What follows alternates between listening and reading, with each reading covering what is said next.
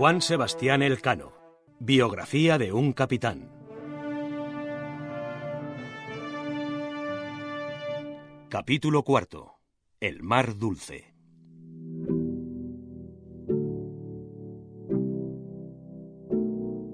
Magallanes quiso desterrar en Brasil a Juan de Cartagena, pero cedió al ruego de los oficiales castellanos, conformándose con quitarle el puesto de capitán, dándoselo a su propio sobrino, Álvaro de la Mezquita. Juan Sebastián estaba preocupado. Teniendo capitanes portugueses, tenía a toda la gente a su mano, y podían hacer todo lo que querían.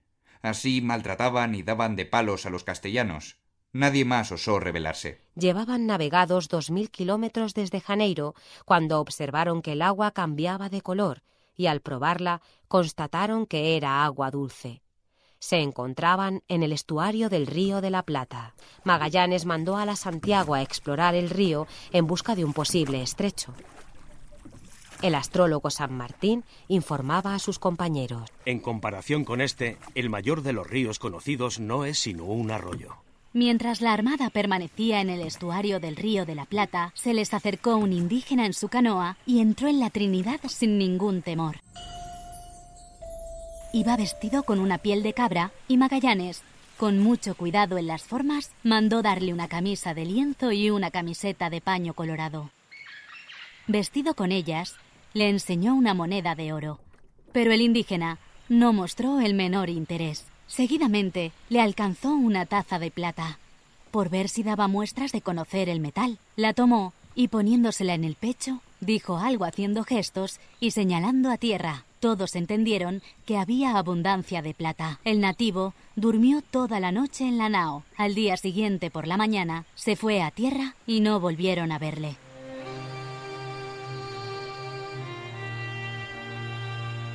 Desde el río de la Plata en adelante, las cartas estaban en blanco.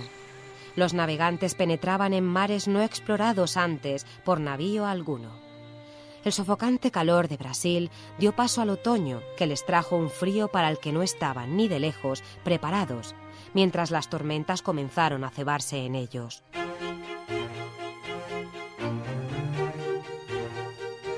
Algunos hombres cercanos a Magallanes aseguraban que el capitán general sabía de aquel estrecho que buscaban por haberlo visto en una esfera que pertenecía al rey de Portugal, la cual había sido hecha por un famoso cosmógrafo, Martín de Bohemia. Nada de esto resultaba fácil de creer después de tres meses escudriñando cada revuelta y cada bahía, navegando a tientas.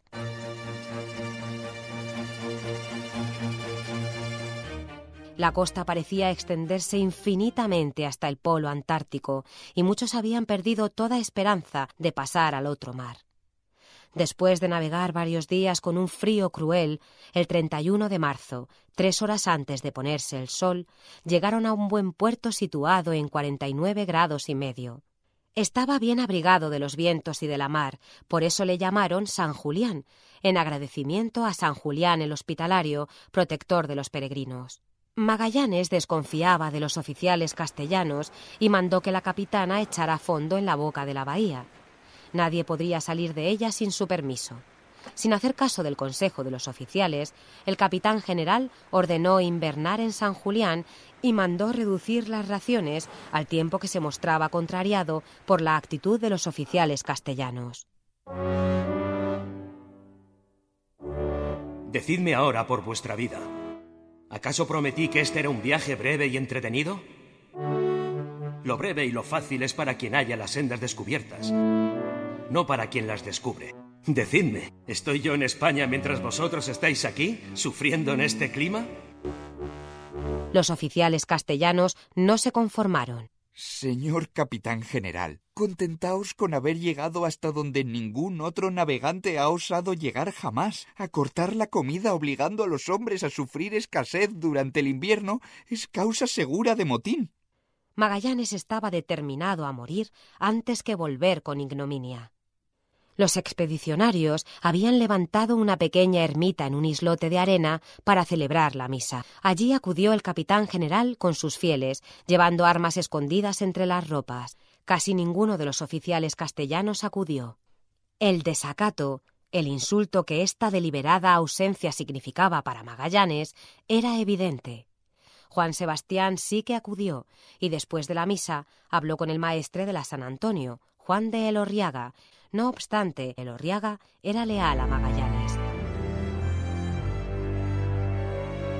Por la noche, los oficiales rebeldes Mendoza, Quesada y Juan de Cartagena, secundados por Juan Sebastián, se hicieron con el control de tres naos, la Victoria, la Concepción y la San Antonio.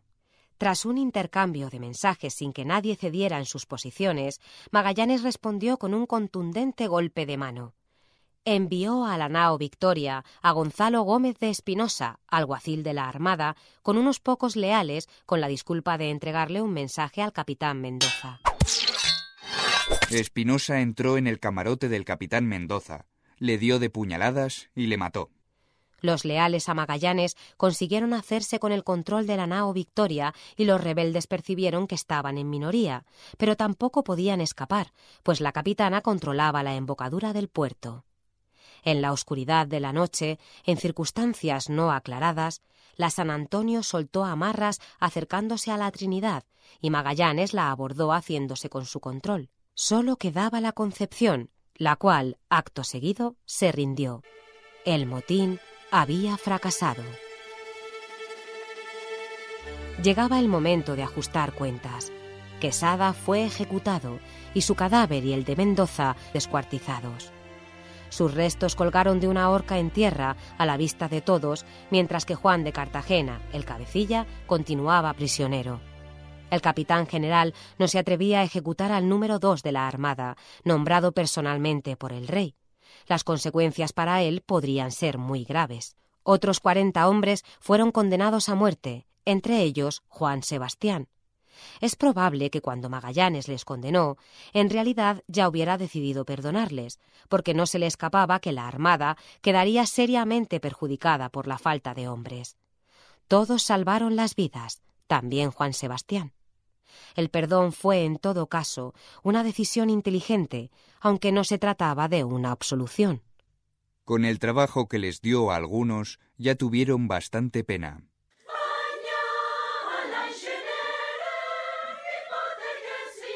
A partir de ahora, podemos situar a Juan Sebastián en las labores más ingratas. Antonio Genovés, el joven que fue perdonado en Brasil del delito que llamaban sodomía, llevaba varias semanas desaparecido. Viernes, a 27 días del mes de abril. Antonio Genovés, grumete, se echó de la nao Victoria a la mar, porque un mozo le acusaba de que era sodomítico.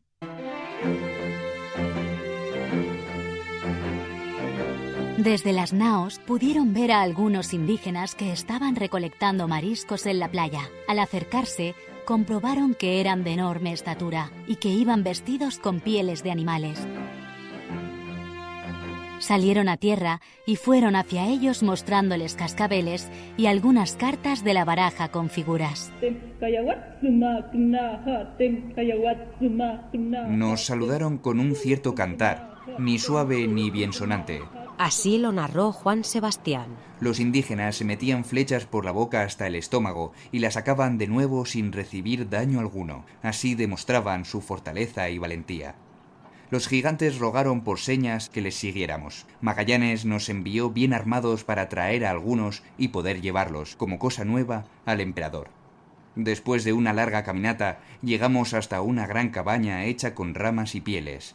En su interior se cobijaban hombres, mujeres y niños. Fuimos recibidos por aquella gente bárbara con sus ceremonias, y luego sacrificaron un animal salvaje parecido a un asno con joroba, cuya carne medio cruda nos pusieron delante, sin otro manjar ni bebida. La noche entera se pasó con viento y nieve. Dormimos dentro de aquella cabaña, cubriéndonos con pieles que nos dejaron. Tras nevar toda la noche, por la mañana los expedicionarios quisieron llevárselos a todos a las naos, pero los indígenas no estaban dispuestos a consentirlo. Tras varios disparos al aire, los nativos quedaron espantados. Finalmente, tres de ellos aceptaron acompañarlos hasta las naos.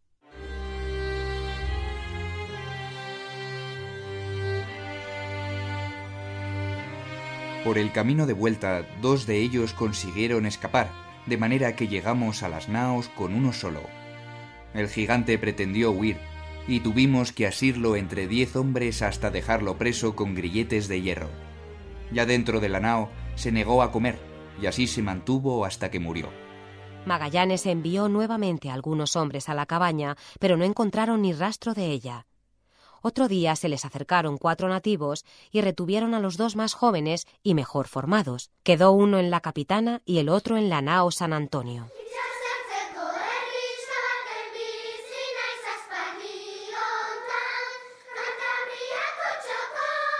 Hombres, mujeres y niños llevan la cara pintada, habitualmente con trazos rojos. No se cortan nunca la melena y recogen en ella todo lo que llevan consigo. Un carcaj para las flechas, una vaina para el cuchillo y un envoltorio con palos para encender fuego. Para cazar avestruces utilizan un palo largo con un penacho de plumas en la punta, lo bastante grande para ocultar al hombre que hay detrás. Cuando movidos por la curiosidad, los avestruces se acercan, los matan de un golpe.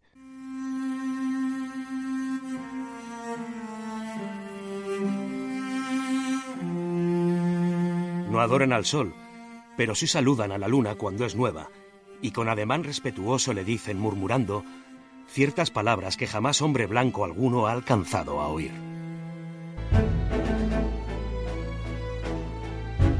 La nao Santiago por ser la más ligera de la Armada, fue enviada por Magallanes a descubrir la costa.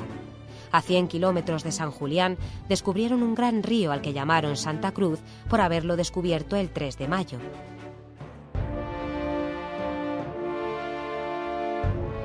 Tras pescar en abundancia y cazar leones marinos, dejaron atrás el río, pero fueron sorprendidos por un temporal que echó a la Santiago sobre la costa.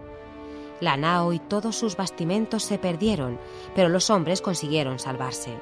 Todos salvo un negro que, preso del pánico, se escondió bajo cubierta y allí pereció aplastado.